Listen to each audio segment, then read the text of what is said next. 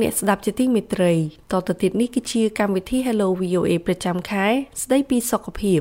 នៅរាត្រីនេះយើងខ្ញុំអញ្ជើញលោកតាំងតិហុងវិជ្ជាបណ្ឌិតខ្មែរចូលនិវត្តន៍នៅរដ្ឋ Florida សហរដ្ឋអាមេរិកជាវាគ្មិន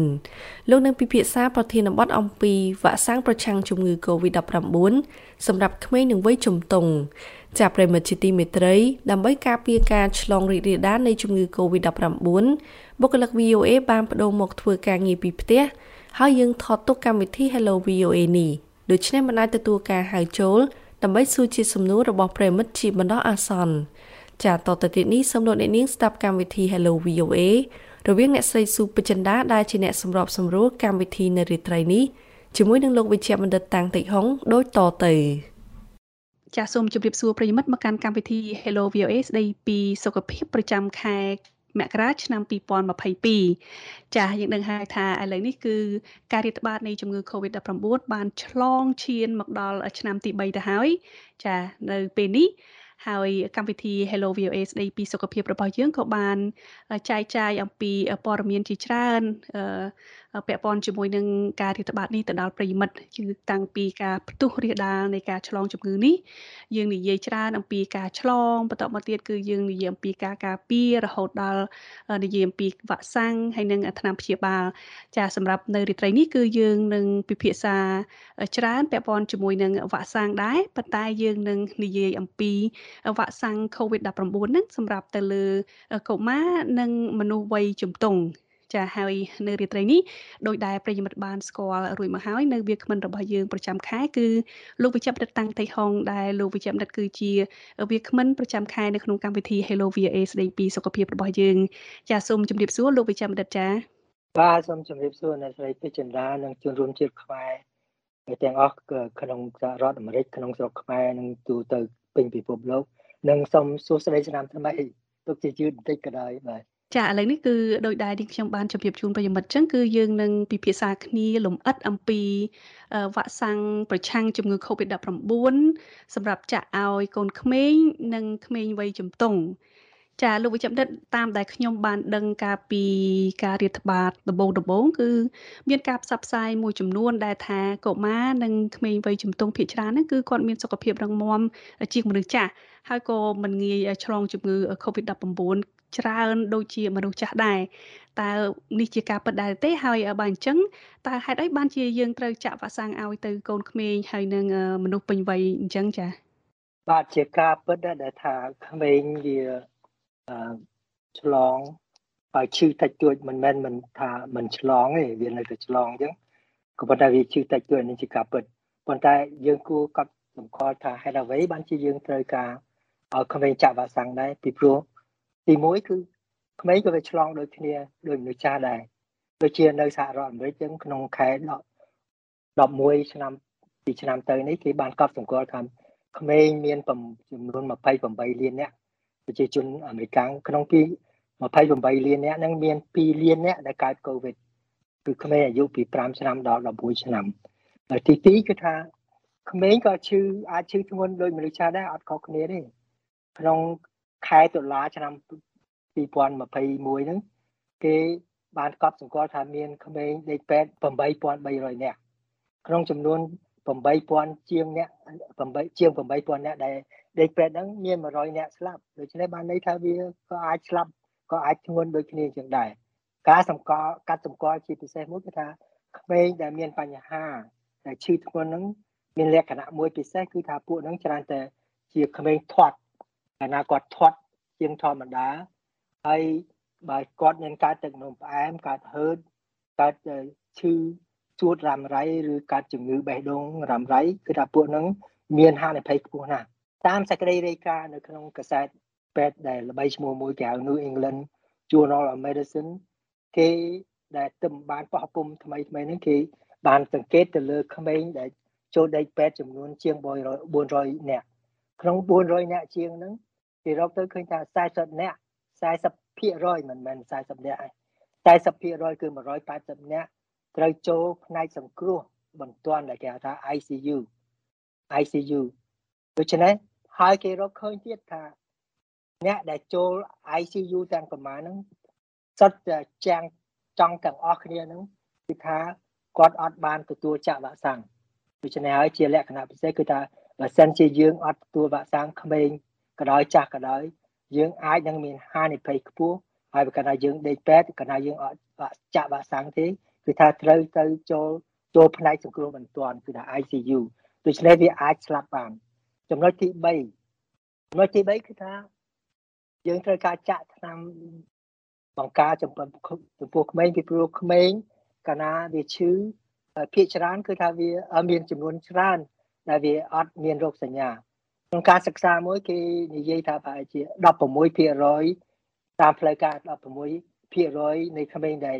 ការជំងឺហ្នឹងគឺថាវាអត់មានរោគសញ្ញាប៉ុន្តែតាមការគិតស្មានរបស់គេក្រសួង CDC ថាវាប្រហែលជាលើសទៅដល់ប្រហែលជា50%នោះនៃក្មេងដែលវាឈឺជំងឺហ្នឹងហើយវាអត់មានរោគសញ្ញាចំណុចទី4ក្នុងពេលថ្មីថ្មីនេះដោយសារមានការរៀលដាលនៃ Omicron ដូច្នេះក្នុងក្មេងក៏មានកើត Omicron ច្រើនដែរហើយលក្ខណៈពិសេសមួយរបស់ក្មេងដែលកើត Omicron នោះគឺវាក្អកក្អកម្យ៉ាងក្អកគេក្អកខុងខុងខុងខុងគេថាគេប្រៀបធៀបទៅដូចសត្វភេសមុទ្រវាព្រុសអញ្ចឹងវាចេញសម្លេងមកខុងខុងអញ្ចឹងគឺជាសម្លេងពិសេសគឺនេះជាលក្ខណៈមួយដែលគេបាន សង្កេតចំពោះក្មេងដែល កើតជំងឺ Omicron ចាស់នេះគឺជាឧទាហរណ៍នៃសម្លេងក្អករបស់កុមារដែលលោកចាំដិតទើបតែលើកឡើងបាញ់មិញដែលជាការកត់សម្គាល់ចំពោះទៅដល់ឪពុកម្ដាយនិងអាណាព្យាបាល នៅពេលដែលកុមារមានអាការៈក្អកបែបនេះចា៎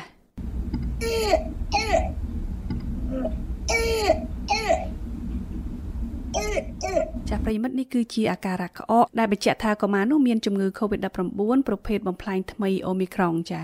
The Voice of America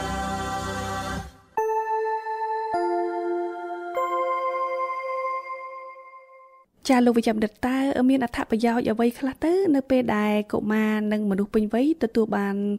វ៉ាក់សាំងប្រឆាំងនឹងជំងឺ Covid-19 ដូចនេះចា៎ អត្ថប្រយោជន៍គឺថាទី1គឺវាជួយការពារក្មេងពី5ឆ្នាំឡើងលើកុំឲ្យកើត COVID-19 ហ្នឹងហើយបើវាបើក្មេងនឹងឆ្លងក៏ជំងឺនឹងក៏មិនធ្ងន់ធ្ងរនេះជា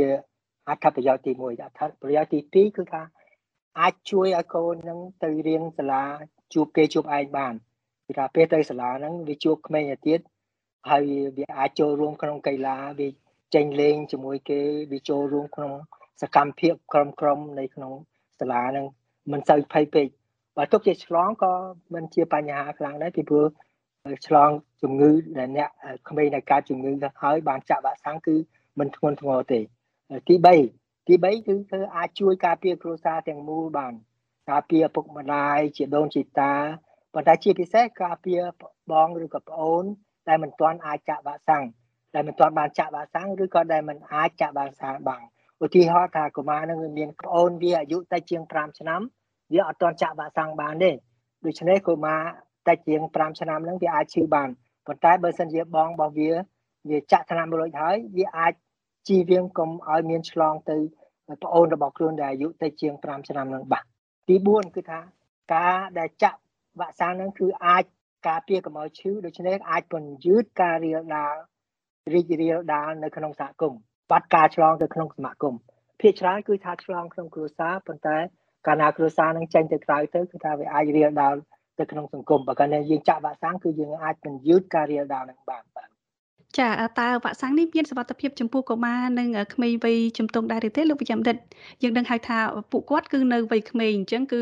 ប្រព័ន្ធរាងកាយរបស់គាត់ហ្នឹងគឺកំពុងតែរីកលូតលាស់អញ្ចឹងតើវាអាចមានជាផលប៉ះពាល់អ្វីដល់ការលូតលាស់ទាំងផ្នែករាងកាយនិងស្មារតីរបស់ពួកគាត់ដែរឬទេចានេះជាចំណុចសំខាន់ណាស់ហើយជាចំណុចមួយដែលដែលជាបញ្ហា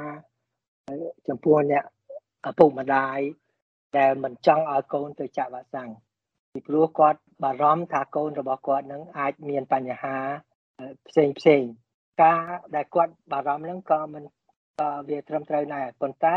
យើងត្រូវយល់យ៉ាងនេះគឺថាទី1មុននឹងគេអនុញ្ញាតឲ្យថាប្រើវ៉ាក់សាំងហ្នឹងគឺថាគេមានធ្វើការសាកល្បងព្យាបាលចំនួនរាប់ពាន់អ្នកទៅហើយក្មេងៗចំនួនរាប់ពាន់អ្នកគេបានចាក់ថ្នាំនឹងរួចហើយគេត្រួតពិនិត្យ ពេលរាប់ពាន់អ្នកនឹងថាទី1ថាតើមានប្រសិទ្ធភាពឬក៏អត់ទី2គឺថាតើចាក់ទៅវាមានជួបប្រទះបញ្ហាសុវត្ថិភាពធ្ងន់ធ្ងរឬទេ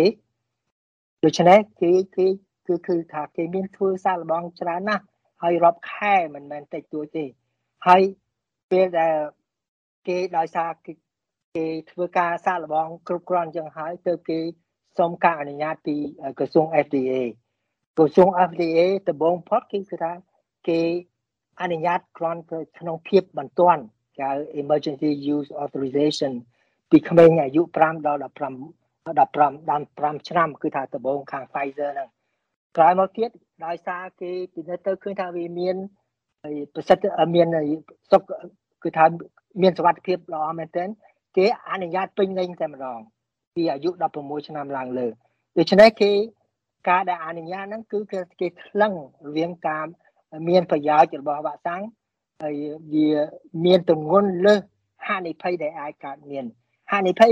គឺថាអាចកើតមានអញ្ចឹងមែនប៉ុន្តែបើយើងថ្លឹងទៅទម្ងន់ប្រយោជន៍ហ្នឹងវាលើសពីទម្ងន់ហានិភ័យទី2កាលណាគេបានអនុញ្ញាតឲ្យប្រើហើយគេមិនឈប់ការត្រួតពិនិត្យទេគេបន្តទៅទៀតគេនៅតែបន្តទៅទៀត គេបន្តការពិនិត្យត្រួតពិនិត្យអំពីសវត្ថភាពតាមរយៈកម្មវិធីត្រួតត្រាពិនិត្យសវត្ថភាពយ៉ាងខ្លាំងនិងទូលំទូលាយក្រោយការអនុញ្ញាតហើយដូច្នេះគឺគេបន្តទៅទៀតគឺគេមានទូរស័ព្ទមានកន្លែងអ៊ីនធឺណិតដើម្បីប្រាប់អ្នកដែលចាក់ថ្នាំហ្នឹងថាបើសិនអ្នកឯងចាក់ទៅឈឺត្រូវធ្វើសេចក្តីរាយការណ៍ទៅក្រសួងទទួលខុសត្រូវនៅក្នុងរដ្ឋាភិបាល អាមេរិកហ្នឹងដើម្បីឲ្យគេដឹងថាមានអ្នកណាខ្លះមានបញ្ហា គេកត់សម្គាល់ទៅទៀតគេមិនជប់ទេបាទគេនៅបន្តទៅទៀតទី3ក្នុងពេលដែលយើងចាក់វ៉ាក់សាំងហ្នឹងគឺថាវ៉ាក់សាំងកូវីដហ្នឹងយើងអាចចាក់វ៉ាក់សាំងឲ្យទៀតជាមួយគ្នាក៏បានដែរអត់អត់មានបញ្ហាទេដូចជាចាក់វ៉ាក់សាំងគ្រុនផ្ដាសាយធំចាក់ជាមួយគ្នាបាន ទី4បញ្ហាដែលមានកើតហ្នឹងគឺវាមានកើតខ្លះមិនមែនអត់កើតទេគឺថា វាពិតជាមានកើតមែនប៉ុន្តែវាតិចតួចណាស់បញ្ហាដែលគេបានសង្កេតឃើញគឺបញ្ហារលាកសាច់ដុំបេះដូងគេហៅថា myocarditis និងរលាកស្រោមបេះដូងគេហៅថា pericarditis ដែលកើតមានក្រោយចាក់ Pfizer ហើយវ៉ាក់សាំង Pfizer រួចក្នុងចំណោមក្មេងអាយុពី12ដល់ដល់17ឆ្នាំវាមានដែរប៉ុន្តែវាកម្រណាស់ដូចថាក្នុងចំនួន1លាននាក់1លានដូស មានតែ54នាក់ដែរដែលកើតជំងឺហ្នឹងហើយគេមួយអាទិត្យក្រោយពីចាក់ Pfizer គេបានសង្កេតជាពិសេសថាការដែលឈឺបេះដូងហ្នឹងឈឺសាច់បេះដូងហ្នឹងច្រើនតែកើតមានក្នុងក្មេងប្រុសអាយុពី12ទៅដល់17ឆ្នាំក្នុងកាពេលដែលគេកំពុងសិក្សាហ្នឹងគឺថាគេមិនឃើញមានក្មេងដែលអាយុ5ទៅ11ឆ្នាំឈឺកើតជំងឺហ្នឹងទេតែក្មេងពី5ដល់11ឆ្នាំ អត់មានកើតជំងឺហើយរលាកសាច់ដុំបេះដូងហ្នឹងទេ ចំណុចទី5ចំណុចទី5ចំពោះឲ្យប្រតិកម្ម allergy ធ្ងន់ធ្ងរ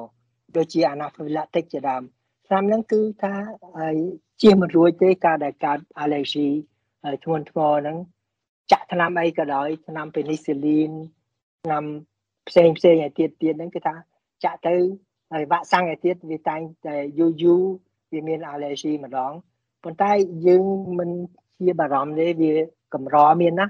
ហើយបើទុកជាមាន allergy ហ្នឹងគឺថាកន្លែងដែលគេចាក់ហ្នឹងគេប្រុងប្រៀបខ្លួនរួចស្រេចគេមានប្រដាប់ប្រដាសម្រាប់សង្គ្រោះយើងបានភ្លាមភ្លាមដូច្នេះយើងអត់បារម្ភទេហើយគេហ៊ានដល់ប៉ុណ្ណេះទៀតសំបីទៅអ្នកដែលធ្លាប់មាន allergy ហើយក៏ដោយហ្នឹងក៏គេឲ្យចាក់ដែរគេមិនខ្លាចទេពីព្រោះគេដឹងថាគេអាចសង្គ្រោះបានភ្លាមភ្លាម គេមានថ្នាំគេសម្រាប់ចាក់មានប្រដាប់ប្រដាសម្រាប់ឲ្យយើងអុកស៊ីហ្សែនឲ្យយើងដកដង្ហើមហើយមានហើយថ្នាំចាក់សរសៃសេរ៉ូមអាចទៅចូលបានភ្លាមភ្លាមជួយយើងបានភ្លាមភ្លាមដូច្នេះអត់មានបញ្ហាទេគឺថាយើងអត់មានបារម្ភរឿងហ្នឹងទេ ហើយចំណុចទី6ដែលដែលយើងបារម្ភដែលគេបារម្ភឪពុកម្ដាយច្រើនតែបារម្ភថាថាអាចតើចាក់វ៉ាក់សាំងហ្នឹងទៅអាចឆ្លងអាចកូនអាច កូនក្មេងនឹងកើតជំងឺនឹងបានទេមិនមិនមិនមិនអីទេបាទចាក់ថ្នាំហ្នឹងទៅវាមិនឆ្លងទេហេតុអ្វីពីព្រោះទី1យើងត្រូវដឹងថាឆ្នាំវ៉ាក់សាំងដែលគេប្រើហ្នឹងវាគេមិនមែនយក virus ដែលនៅរស់ទេគឺថាគេយក virus អញ្ចឹងមែនប៉ុន្តែ virus ហ្នឹងគេសម្លាប់រួចហើយបានយកមកចាក់ហើយបើជាវ៉ាក់សាំងរបស់អាមេរិកគឺថាគេមិនទាំងប្រើ virus ផងគេប្រើសពនិមិត្ត ដូច្នេះអត់មានការឆ្លងការជំងឺ COVID-19 ទេបើសិនជាចាក់ហើយទី7ដែលគេខ្លាចដែរគឺថាគេអាចថាដោយសារថ្នាំនឹងប្រើហើយ gene គេហៅថា mRNA នឹងអាចប៉ះពាល់ក្នុងការបង្កើតកូនប៉ុន្តែការដែលគេស្រាវជ្រាវទៅថាมันអាចมันគ្មានការប៉ះពាល់ទេគឺថាអ្នកដែលចាក់ហើយនឹងអាចមានជំងន់អាចមានកូនបានដោយធម្មតាអញ្ចឹងហើយកូនដែលកើតមកក៏គ្មានបញ្ហាដែរ ដូច្នេះមិនត្រូវបារម្ភរឿងនឹងទេបាទចាសសូមអរគុណលោកវិជ្ជបណ្ឌិត ចាសសប្តាហ៍ថ្ងៃនេះនៅសហរដ្ឋអាមេរិកវ៉ាក់សាំងដែលប្រើប្រាស់ជាទូទៅនឹងគឺមាន3ប្រភេទគឺវ៉ាក់សាំង Pfizer Moderna និងវ៉ាក់សាំង Johnson Johnson ហើយសម្រាប់នៅប្រទេសកម្ពុជាវិញគឺយើងមានវ៉ាក់សាំង Sinopharm Sinovac AstraZeneca ចាដែលកំពុងតែប្រើប្រាស់យ៉ាងទូលំទូលាយនៅក្នុងប្រទេសកម្ពុជា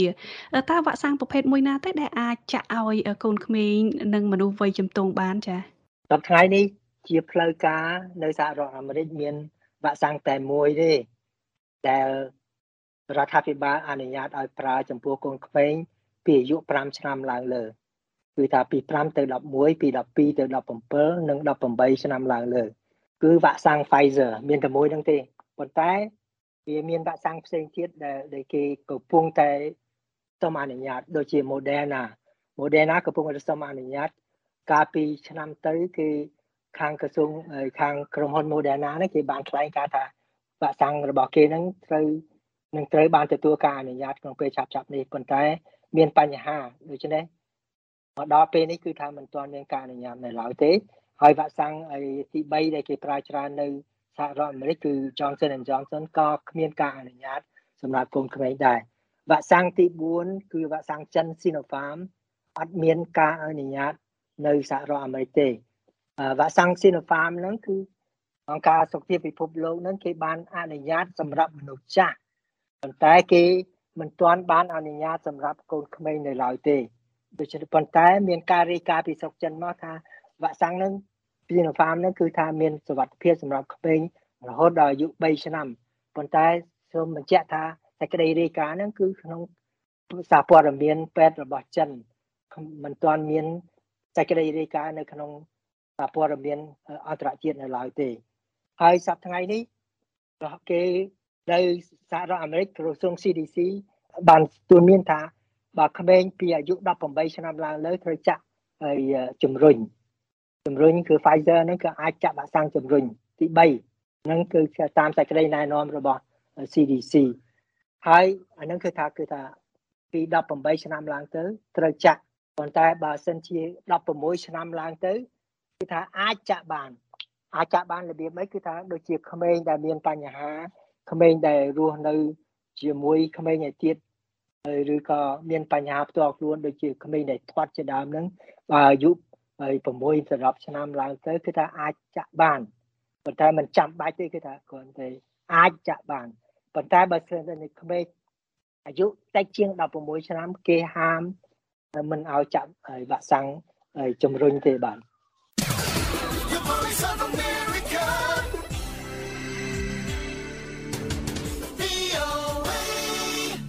ចាដូច្នេះនៅក្នុងសហរដ្ឋអាមេរិកវ៉ាក់សាំងដែលត្រូវបានអនុញ្ញាតឲ្យចាក់ទៅលើកូនក្មេងហើយនិងវ័យ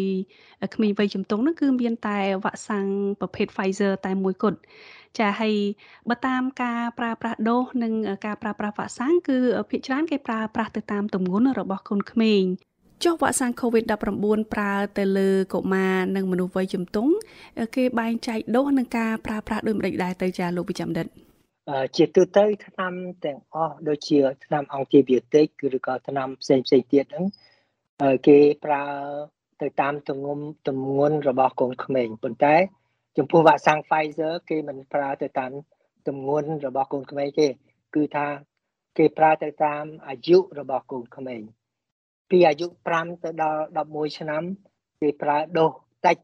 ដូសតិចហ្នឹងគឺ10មីក្រូក្រាម10មីក្រូក្រាមគេចាក់2ដង ចាក់ទី1ហើយ3អាទិត្យក្រោយមកចាក់ទី2ទី2បើអាយុ12ឆ្នាំឡើងលើគឺត្រូវចាក់ដូចមនុស្សចាស់អញ្ចឹងគឺដូស30មីក្រូក្រាម2ដងដូចគ្នាអញ្ចឹងគឺចាក់ទី1ហើយ3អាទិត្យក្រោយមកចាក់ទី2ដូចមនុស្សចាស់អញ្ចឹង ចំពោះដូសទី1ចំពោះក្មេងអាយុតិចជាង12ឆ្នាំគឺថា11ឆ្នាំមានលក្ខណៈសំខាន់មួយដែលគួរកត់សម្គាល់ថាបើសិនជាក្មេងនឹងវាអាយុ11ឆ្នាំហើយវាចាក់ដូសទី1ប៉ុន្តែដល់ពេល3អាទិត្យក្រោយមកវាត្រូវចាក់លើកទី2ស្រាប់តែវាឡើងដល់អាយុ12ឆ្នាំតើទៅធ្វើម៉េចគេថាបើសិនជានៅពេលត្រូវចាក់លើកដូសទី2ក្មេងនឹង បានឡើងអាយុ12ឆ្នាំហើយគឺត្រូវប្រើដូសខ្ពស់ដូសមនុស្សចាស់គឺថា30មីក្រូក្រាមដោយមនុស្សចាស់អញ្ចឹងនេះជាការកត់សម្គាល់សំខាន់ដែលយើងត្រូវដឹងបាទចាស់នេះគឺជាការអនុម័តនៃការបែងចែកនៃការប្រើប្រាស់វ៉ាក់សាំងចំពោះកុមារមនុស្សវ័យជំទង់និងមនុស្សធំចាស់គឺមនុស្សពេញវ័យចាស់លោកវិជ្ជាដឹកតែយើងអាចយកវ៉ាក់សាំងសម្រាប់មនុស្សពេញវ័យនឹងមកចាក់ឲ្យកុមារបានដែរឬទេចា៎បាទក្រសួង CDC ដោយសហរដ្ឋអាមេរិកគេមកចាត់ណាគេដាច់ខាត គេមិនឲ្យប្រើវ៉ាក់សាំងសម្រាប់មនុស្សចាស់ទៅចាក់លើកូនក្មេងនេះយើងត្រូវដឹងថាមនុស្សចាស់គឺថា30វា30មីក្រូក្រាមហើយមនុស្សក្មេង10មីក្រូក្រាមដូច្នេះ3ដងខុសគ្នាចាស់ជាព័ត៌មានសម្រាប់ជូនទៅដល់ឪពុកម្ដាយនិងអាណាព្យាបាលរបស់កុមារនិងក្មេងវ័យជំទង់ដែលគាត់ទើបតែចាក់វ៉ាក់សាំង ប្រឆាំង COVID-19 នេះរួចហើយតើពួកគាត់អាចនឹងមានប្រតិកម្មអ្វីខ្លះទៅបន្ទាប់ពីគាត់ទទួលបានវ៉ាក់សាំងនេះចា៎ការប៉ះពាល់ហ្នឹងជាការចាំបាច់ជាការចាំបាច់ព្រោះព្រោះវាជាសញ្ញាថារាងកាយរបស់មនុស្សនោះកំពុងបង្កើតការការពារអឺវាធម្មតាទេហើយអ្នកខ្លះគេគេជឿអញ្ចេះទៀតថាតើមានបញ្ហាហ្នឹងបានបានជឿថាវ៉ាក់សាំងមានប្រសិទ្ធភាពមែន ប៉ុន្តែមានអ្នកខ្លះគេមិនសូវមានបញ្ហាដែរ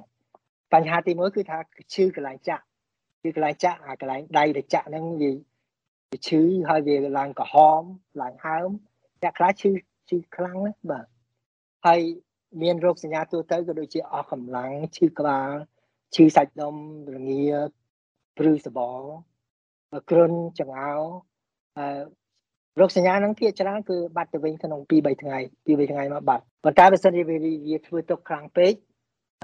យើងអាចប្រើថ្នាំបានខ្លះដែរសម្រាប់ឈឺគឺថាអាចប្រើថ្នាំតាឡេណុលគឺគាត់ថាគេហៅថា acetaminophen ในស្រុកខ្មែរយើងគេហៅថា paracetamol អញ្ចឹងទេគេអាចប្រើថ្នាំ ibuprofen ឬក៏ Advil គេអាចប្រើទៅដើម្បីឲ្យបំបត្តិការឈឺចាប់ហើយនឹងបំបត្តិបើសិនជាគ្រុនការដែលខ្ញុំ សូមកត់សម្គាល់គឺថាការបើសិនកចង់ប្រើថ្នាំសូមជៀសវាងកុំប្រើថ្នាំ aspirin ចំពោះក្មេងដែលអាយុតិចជាង18ឆ្នាំ aspirin អាចបង្កើតជាគ្រោះថ្នាក់បាន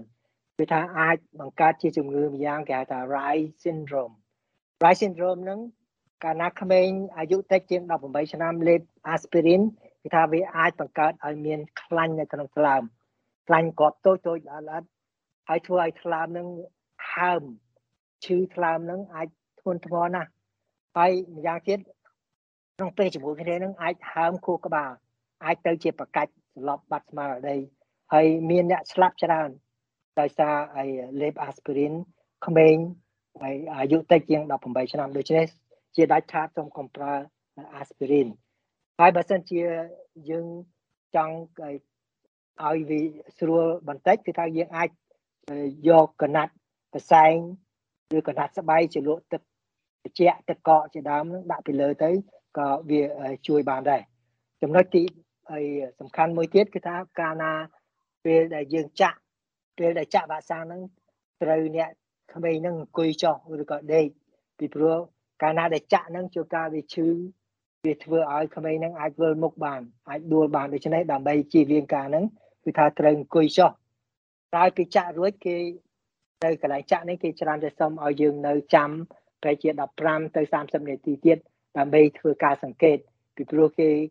សង្កេតថាបើសិនជាមានបញ្ហាវាច្រើនតែមានបញ្ហាក្នុងរយៈ15ទៅ30នាទីហ្នឹងហើយបើសិនជាមានបញ្ហាក្នុងពេលហ្នឹងគេអាចជួយសង្គ្រោះបានពីព្រោះថានៅកន្លែងចាក់ហ្នឹងគេមានគ្រឿងប្រដាប់មានថ្នាំមានតែសេរ៉ូមសម្រាប់ចាក់ឲ្យយើងអាចសង្គ្រោះបានភ្លាមភ្លាមដូច្នេះត្រូវតែចាំកុំអើទៅចេញពីកន្លែងហ្នឹងភ្លាមបាទ ចាសសូមអរគុណច្រើនលោកវិជ្ជបណ្ឌិតចាបើទោះបីជាយើងមានវ៉ាក់សាំងប្រើប្រាស់យ៉ាងទូលំទូលាយយ៉ាងណាក៏ដោយយើងឃើញថាជំងឺ Covid-19 នៅតែឆ្លងរាលដាលកើនឡើងពីមួយថ្ងៃទៅមួយថ្ងៃហើយវីរុសបំផ្លាញខ្លួនថ្មីនោះក៏មានជាហូរហែដែរចាជាទីបញ្ចប់នេះតើលោកវិជ្ជបណ្ឌិតមានពាក្យពេចន៍អ្វីជាការផ្ដាំផ្ញើក៏ដូចជាអំពាវនាវដើម្បីជាការបការពារទប់ទល់នឹងការឆ្លងក៏ដូចជាការពន្យឺតនៃការឆ្លងជំងឺ Covid-19 នេះចា៎បាទសូម កុំមើងងាយ virus COVID-19 ហ្នឹងសូមបន្ត